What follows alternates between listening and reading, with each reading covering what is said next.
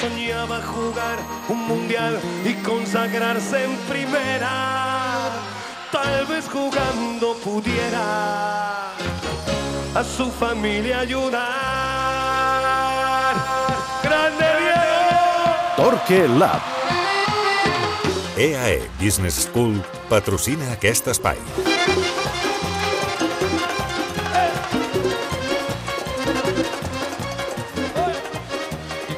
Barça va tenir un partit plàcid dissabte davant l'Elx, on vam tornar a comprovar que Lewandowski se'n farà un tip de marcar gols, però una altra de les actuacions destacades va ser la de Memphis, que és el davanter amb menys minuts aquesta temporada.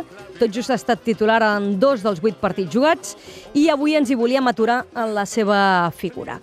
Ricard Torquemada, hola, bona tarda. Bona tarda, Sònia. Doncs eh, ara ho dèiem, dissabte no va fer de nou, però no sé si et sembla més útil per la banda que com a relleu del nou. Sí, jo crec que les millors actuacions de Memphis les hem vist a la banda i no, i no com a referència. Ell, ell tota la vida, quan des de l'inici s'havia sentit eh, una extrema esquerra que anava cap a dintre, tenia llibertat, fins que Koeman el descobreix com a davanter els últims anys eh, amb la selecció. I amb el seu fitxatge al Barça, diríem que eh, doncs, alterna les dues posicions. Clar, l'arribada d'Aubameyang el desplaça molt de la posició de nou, eh, ja entra com a segona opció. I jo crec que Xavi eh, diríem que en principi no comptava amb ell perquè creu que el millor Memphis o la millor versió de Memphis no es pot veure a la zona central. Eh, ell se sent més còmode mm, rebent entre línies, tenint certa llibertat, eh, mm, atacant de cara, tot i que té aquest moviment del revers i del gir, eh, el desgast constant de la fixació del central, d'estar pendent de desmarcades molt curtes, eh, que, que s'ha de perfilar. Jo crec que això eh, és una cosa que, que direm que no és la seva preferida. Tot i això ha fet bons partits en aquesta posició, però jo crec que les millors actuacions sempre han estat quan ha tingut més llibertat, quan ha, ha pogut anar des de l'esquerra cap a dintre, quan pot explotar el seu xut, quan pot explotar l'un contra un, quan, eh, quan les desmarcades són més de segona línia, a zona contrària a la pilota, més per sorpresa, que no pas les, eh, diríem que més eh, obligatòries en un nou o quan ataca una centrada lateral que això li costa. Eh, jo crec que sí, que l'hem vist millor a la banda esquerra i que el problema que té és que a la banda esquerra, diríem, hi ha l'extrem, uh -huh. més Ferran, més Ansu. I clar que aquí hi ha un overbooking. A mi em va sorprendre que l'altre dia fos titular. Eh, però sí que és cert que ara mateix, si mirem eh, la davantera titular preferida de Xavi, jo crec que no hi ha gaire dubtes, és Dembélé i Rafinha als extrems i Lewandowski com a davanter centre. Si et poses a pensar, quan ha d'entrar algú des de la banqueta, normalment dels extrems també busques que siguin golejadors i probablement sigui l'extrem més golejador que tens. Per davant d'Ansu i Ferran Torres, a dia d'avui, eh? perquè és veritat que Ansu li hem de posar aquest asterisc.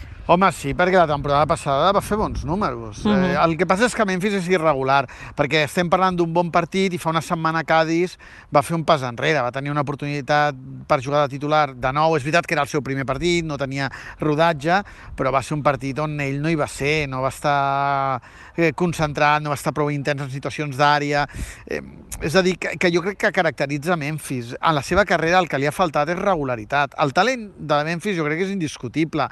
Eh, la seva capacitat eh, per improvisar, eh, per relacionar-se amb, porteria, amb la porteria, és indiscutible. El que passa és que mai saps quina cara t'ensenyarà, eh, depenent del dia, depenent del que interpreti. Jo crec que futbolísticament hi ha dies que li costa eh, reaccionar al que necessita l'equip i hi ha dies en què li surt de manera natural. No sé, és, és un jugador que, que té punts alts i punts baixos i que no l'afecten gaire, vull dir que no entra en, en, en dinàmiques mentals, ell té un, molta confiança, però potser no té la capacitat per ser regular en la concentració o en, o en la intensitat, eh, eh, sobretot en zones com són l'àrea que, que gairebé eh, has de ser-hi sempre, perquè si no, diríem que moltes vegades se t'escapen oportunitats que, que et penalitzen.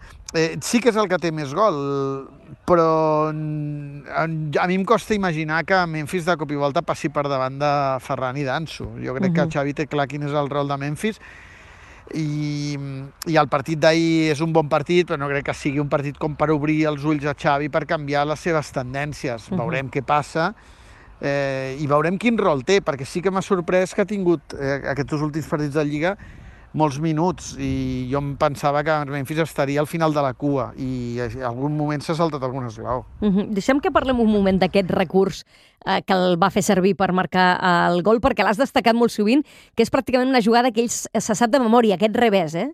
Sí, sí, sí. L'ha fet molt des que va arribar al Barça, sí, mm. potser l'hem vist cinc o sis vegades. No sempre per finalitzar, a vegades per jugar-se un contra un. El recordo un dia Vallecas contra Valliu, que és un defensa eh, que és intens a l'un contra un, i és que el va plegar. O sigui, és que gira i t'embolica. O sigui, no, no tens possibilitat de reaccionar. Bé, com quan fa un jugador de bàsquet un revers al pal baix o un moviment d'esquena al pal baix. Mm, eh, ell se sent molt còmode, és un dels seus driblings eh, preferits, i la veritat és com que té aquest tren inferior tan potent, eh, té molta capacitat per baixar el centre de gravetat, per rebre d'esquena i fixar el, el, el defensa, i aleshores té aquest moviment de trepitjar amb la cama dreta i girar molt ràpid, que el defensa el deixa, el deixa sense capacitat de reacció, perquè de seguida que gira eh, el defensa és quan es vol desplaçar lateralment es troba amb l'esquena de Memphis, que és una esquena, diríem, que, que aguanta bé eh, el contacte. I ja t'ha guanyat la posició. Després, com que és un jugador que té bona finalització, doncs moltes vegades si pot eh, acaba. Però no sempre són situacions de finalització, insisteixo,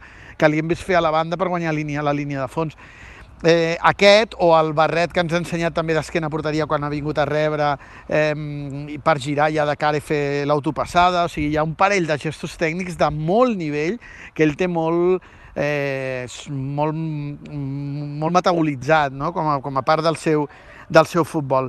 Eh, però és veritat també que, doncs, que, ens, que, que aquestes accions que, que, que, que donen molta llum en el fons són eh, complements a una feina que ha de resoldre de manera més consistent. I, i tornant a la primera pregunta, quan ha fet de nou, jo crec que mm, a vegades ve a rebre eh, massa uh, entre línies i no hi ha una referència, i el Barça necessita una referència.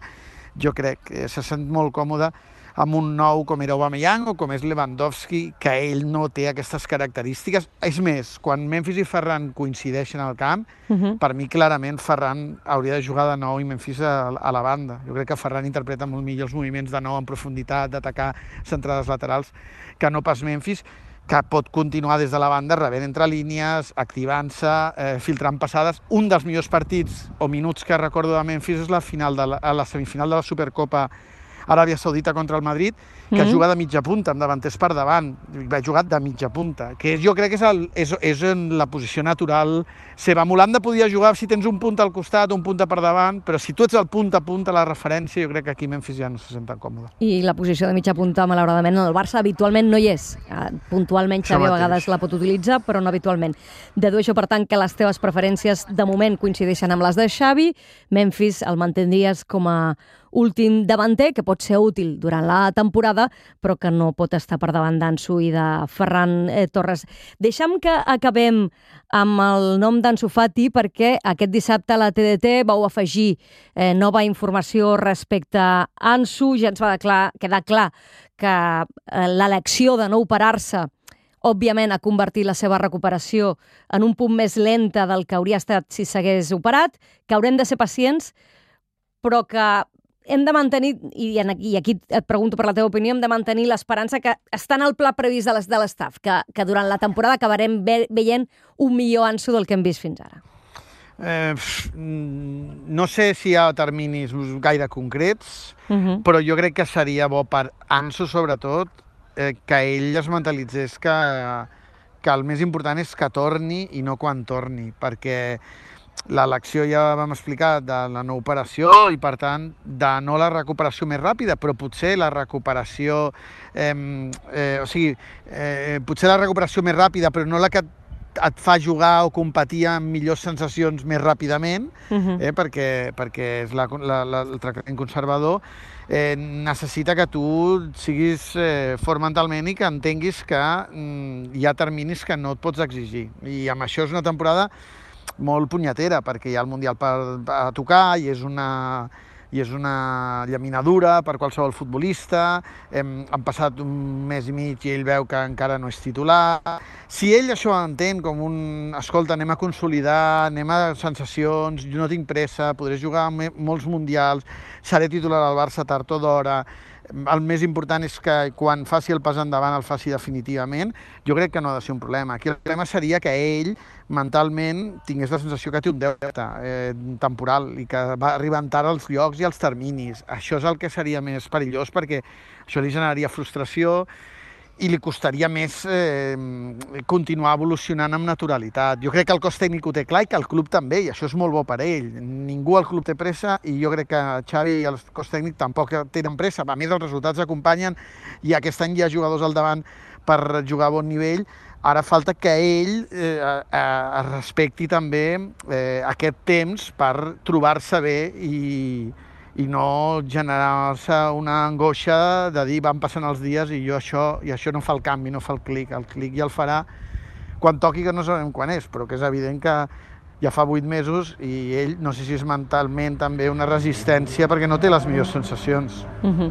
Ansu, que no va ser titular davant l'Elx, que per tant encara ha d'esperar per eh, tenir minuts, eh, sí que ho va ser Memphis, que ha estat eh, l'home que a qui hem dedicat el Torquelab d'avui, i sí que ho va ser Dembélé, tot i no haver dormit, i ara en parlarem. Gràcies, Ricard. Fins ara, una coseta només. Escolta'm, eh, que no es despisti ningú en Memphis per això, eh? que la competència, si s'adorm, Memphis ho aprofitarà. Eh? Sí, sí, el, és evident i ho va demostrar aquest eh, dissabte i per això avui ho preguntem als nostres oients. Quin paper creuen que ha de ser el de Memphis aquesta temporada? I veurem quin és el que ell acaba guanyant-se a partir del seu rendiment sobre el camp. Ara sí, Ricard, gràcies. Adéu.